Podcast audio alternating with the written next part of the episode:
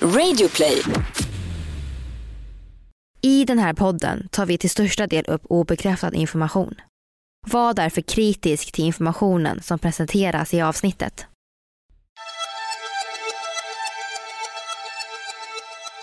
When you think of the words Disney and Frozen, it's pretty likely that the first thing that comes to mind is the smash hit movie featuring sisters Anna and Elsa and the lovable snowman named Olaf. But what if that's exactly what Disney wants you to think?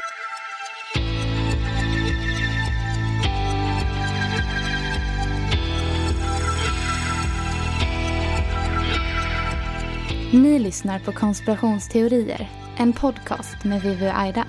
Och det här är en annan sida av historien om Walt Disney och filmen Frozen.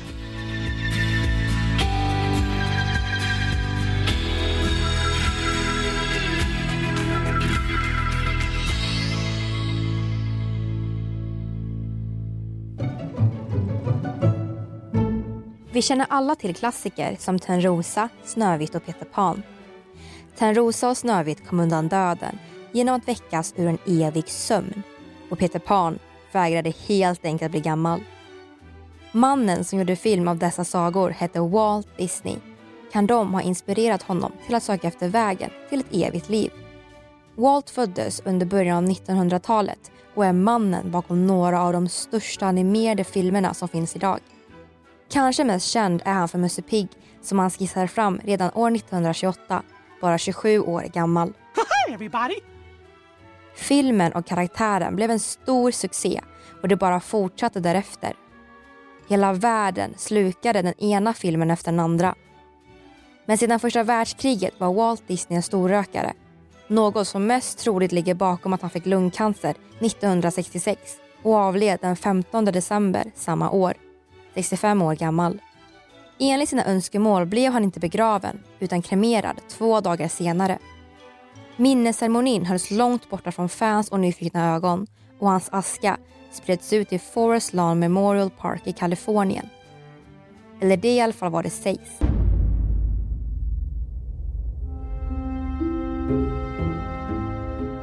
Disney påstås ha varit oerhört intresserad av döden och speciellt sin egna. 1962, fyra år innan Disneys död, kom boken The Prospect of Immortality skriven av fysikern Robert Ettinger och den slog igenom stort. Boken handlade om kryonik, att kyla avlidna människor och djur med flytande kväve för att kunna återställa dem i framtiden. Enligt Arrhenius ekvation stannar kemiska processer upp vid låga temperaturer och enligt boken skulle kryonik kunna vara en bro till framtiden. Det sägs att Walt Disney blev intresserad eller kanske till och med besatt av idén. Tänk att kunna förvaras nedfryst och kunna återställas till god hälsa. Människan har i alla tider velat spela döden ett spratt och låta liemannen som knackar på vänta vid dörren. Bob Nelson, som var ordförande för California Cryogenic Society, berättade i en intervju hos Los Angeles Times år 1972 att Disney faktiskt ville bli nedfryst. Många tror att han ligger nedfryst i sin egna källare eller på Disneyland under åkturen Pirates of the Caribbean.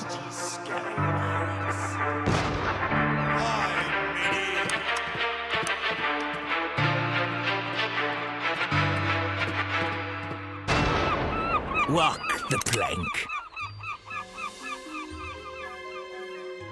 Men trots Walts önskemål så ville hans familj inte gå vidare med proceduren och den första testpersonen blev istället James Bedford som blev nedfryst en månad efter Disneys död. Men att Bob Nelson senare sa att Disney faktiskt hade velat bli nedfryst gjorde att teorin fick ännu mer spridning. Att Walt Disney blivit nedfryst med hjälp av den nya otroliga tekniken att bevara människor för att sedan återuppliva dem har varit en myt i många tider. Den startade redan direkt efter hans död och är en konspirationsteori som vägrar dö ut. Kanske berodde det på att science fiction hade vuxit i USA sedan andra världskriget och människor verkligen längtade efter den dagen som sci-fi blev verklighet. Att i princip kunna skicka människor till framtiden genom kryonik var på den tiden något otroligt. Men hur kommer det sig att denna konspirationsteori fortsätter att cirkulera om det är så att Disneys aska ligger utspridd i Kalifornien? Svaret kanske ligger i Disneys otroligt stora film från 2013, Frozen. Ville man veta mer om dessa teorier kunde en sökning innan 2013 ge en mängd olika teorier och artiklar om hur och var Walt Disney låg nedfryst och varför företaget försökt hålla det hemligt. Men vill man ha mer information idag är det betydligt svårare. Efter Walts bortgång fortsatte Walt Disney Company att släppa den ena succén efter den andra och 2013 kom företagets mest framgångsrika och världens hittills mest inkomstbringande animerade film någonsin, Frozen. Filmen bygger på sig Andersens saga Snödrottningen från 1845 och handlar om två systrar, Elsa och Anna. Söker vi på Disney Frozen på Google idag får vi se systrarna, snögubben Olof, texten till favoriten Let it go och var man kan köpa de billigaste leksakerna med Frozen-motiv. Kan det varit så att Walt Disney Animation faktiskt skapade filmen Frozen för att avleda uppmärksamheten från teorierna? Frozen kanske var en taktik för att få människors uppmärksamhet åt ett annat håll. Idag är det betydligt svårare att hitta sidor som handlar om teorin. Filmen Frozen fick kanske namnet för att människor var för nära att ta reda på vad som verkligen hände. Kanske ville företagare inte låta människor se vad de gömmer. Antingen det, eller så var Walt Disney Company trötta på att behöva stå till svars och vill att människor ska sluta prata om det faktum att Walt Disney kanske är nedfryst. Oavsett vad vill förmodligen Walt Disney Company att vi ska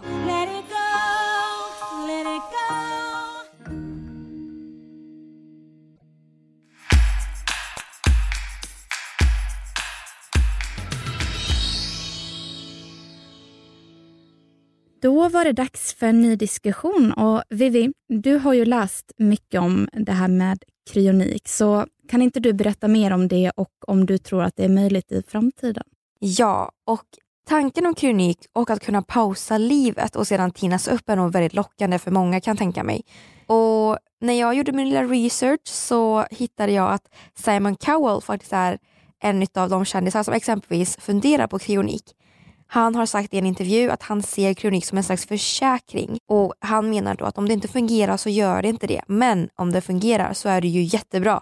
Och grejen med kryonik är att det inte finns några garantier och därför är det olagligt att kyla ner människor när de fortfarande är vid liv. För det kan i stort sett ses som ett mord. Mm -hmm. Och i dagsläget så kan man tydligen kyla ner enkla organismer och tina upp dem. Och tydligen så fungerar det väldigt bra att göra det även om en del av cellerna i organismen går förlorade. För även om majoriteten av bakterierna som blivit nedkylda dör så kan fortfarande de resterande som överlevt nedkylningen bygga upp en ny population. Men anledningen till att det är osannolikt att man skulle kunna göra det med en människa är för att om en stor del av celler i din kropp skulle dö så finns det inte en chans överhuvudtaget att resten av din kropp kan upprätthålla alla livsfunktioner. Mm. Och vi är ju så himla otroligt beroende av alla våra organ i kroppen. Och Djur och människor är väldigt komplicerade organismer och varenda cell och organ har sina speciella funktioner som resten av kroppen är beroende av. Mm. Så man kan kyla ner små, små, små, små, små organismer men i dagsläget så är det i princip omöjligt att kyla ner en människa och sen så återuppliva dem. Mm. En till rolig grej som jag också hittade när jag höll på att kolla upp det här med kryonik är att om Disney nu faktiskt är nedkyld så ligger han förmodligen upp och ner i flytande kväve i ungefär minus 196 grader. Ja, men alltså det är ju det alltså om Disney är nedkyld. För att den första personen att bli nedkyld var ju James Bedford år 1967 som vi nämnde i avsnittet. Och bara några timmar efter hans död så kylde de ner honom. Men det blev något fel i processen med nedkylningen så att de, de tror att det kom syra till hjärnan och det gör det omöjligt att tina upp honom även om det vore möjligt för att då skulle han inte kunna leva efter att det kom till hjärnan då. Så att om det vore Disney som var den första istället så kanske det hände liksom samma sak där för att de kanske knappt visste hur, hur det gick till och hur man gjorde så att det kan ju varit risken att det blev någonting fel även där. Men i alla fall, enligt alla våra källor så var det James Bedford som var den första att kylas ner. Men å andra sidan, om det var Disney som var den första så kanske hans familj ändå betalade ganska mycket pengar för att hålla det hemligt. För att som vi vet så verkade de ju inte vilja att det blev känt för allmänheten. Det vet vi ju inte. Men i alla fall, Bob Nelson, eh, han intervjuades år 2013 av Los Angeles Magazine och Han berättade att han tyckte att det var synd att Disneys nedkylning aldrig blev av eftersom att det faktiskt hade varit fantastisk PR för honom och för branschen. Mm, och Han sa också att de faktiskt blev uppringda av Walt Disney Studios och fick svara på frågor om hur många det hade varit som blev nedkylda och vad de hade för utrustning. Aha. Mm, spännande. Ja, väldigt intressant. Mm. Och Sen till en annan sak också. Vi har ju pratat om att både Bob Nelson som var ordförande för California Cryogenic Society och om Robert Ettinger, författaren till boken The Prospect of Immortality. Och Bob Nelson läste Robert Ettingers bok The Prospect of Immortality och gick på något möte med The Cryogenic Society i Los Angeles. Och Det var på den vägen som han blev ordförande för föreningen. Mm. Och Bob Nelsons mål var inte i början att kyla ner människor, men det var att forska om det. Och Bob Nelsons memoar Freezing people is not easy har släppts och kommer bli en film med en del kända skådisar. Och då kommer skådisen Christopher Walken spela Dr. Robert Ettinger. Och när Bob Nelson fick reda på att de skulle göra en film så ringde han 92-åringen Robert Ettinger. Och när Ettinger fick reda på det här så log han sitt sista leende och tydligen så dog han nästa dag. Mm. Sen så kylde de ner honom. Alltså, åh, vad, vad tråkigt. Mm. Men vissa konspirationsteoretiker tror att det bara är Disneys huvud som har blivit eh, nedkylt eh, och bevarat. Mhm. Så Vivi, har du något förslag på vad du tycker att hans huvud hade passat på sen när det tinas upp? Ja, alltså Walt Disney var ju en storrökare som vi sa innan så han, hans kropp måste ju varit totalt, eller i alla fall hans organ måste ju varit totalt förstörda. Ja. Så jag tror att han, ja, hans huvud skulle väl passa på en robot eller någonting. Ja. För jag tror inte, att, jag tror inte man har gjort något, nej jag tror inte det går att koppla hans huvud till en annan död människas kropp. Nej, det tror inte jag heller. Så det får bli robotar. Frågan är hur, hur den här roboten skulle se ut. Om det skulle varit liksom typ en hund eller om det skulle varit så här, en människorobotkropp. Eller om det skulle sett ut som en cigarett eller någonting.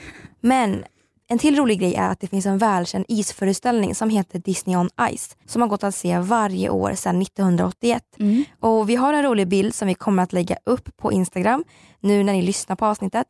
Och Ni kommer hitta det på världens konspirationsteorier på Instagram och på konspirationsteorier på Facebook. Mm. Och sen eh, kanske lite avslutningsvis, så om någon av er lyssnare har sett eller vill se så finns det en film som bygger på den här konspirationsteorin. Den heter The Further... The, va? den heter The Further Adventures of Walt's Frozen Head. Och jag har inte sett den, du har inte sett den, så Nope. ni får gärna berätta för oss om den var bra. Yes. Men Vivi, Mm. tror du på det här? Det här med att man kan kyla ner människor är ju faktiskt ett faktum. Ja. Men jag vet inte om de har gjort det med Disney. Nej. Men ja, jag vet inte. Han kan väl vara nedkyld eller inte. Jag lämnar det till, till nej men jag lämnar det öppet så att säga. Mm. Du då? Alltså det är en ganska mysig teori att tro på, känner jag. Mhm. Så att eh, jag kan absolut eh, jag kan absolut lämna det öppet. Och nu var det här ett kort avsnitt Mm. i och med att det här är ett sommaravsnitt. Så vi hörs i nästa sommaravsnitt hörni. Japp, det gör vi. Det gör vi. Hej då!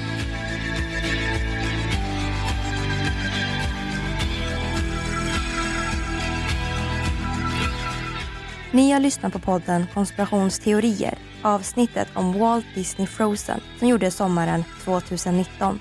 Vi som har gjort programmet heter Vivian Lee och Edda Engvall.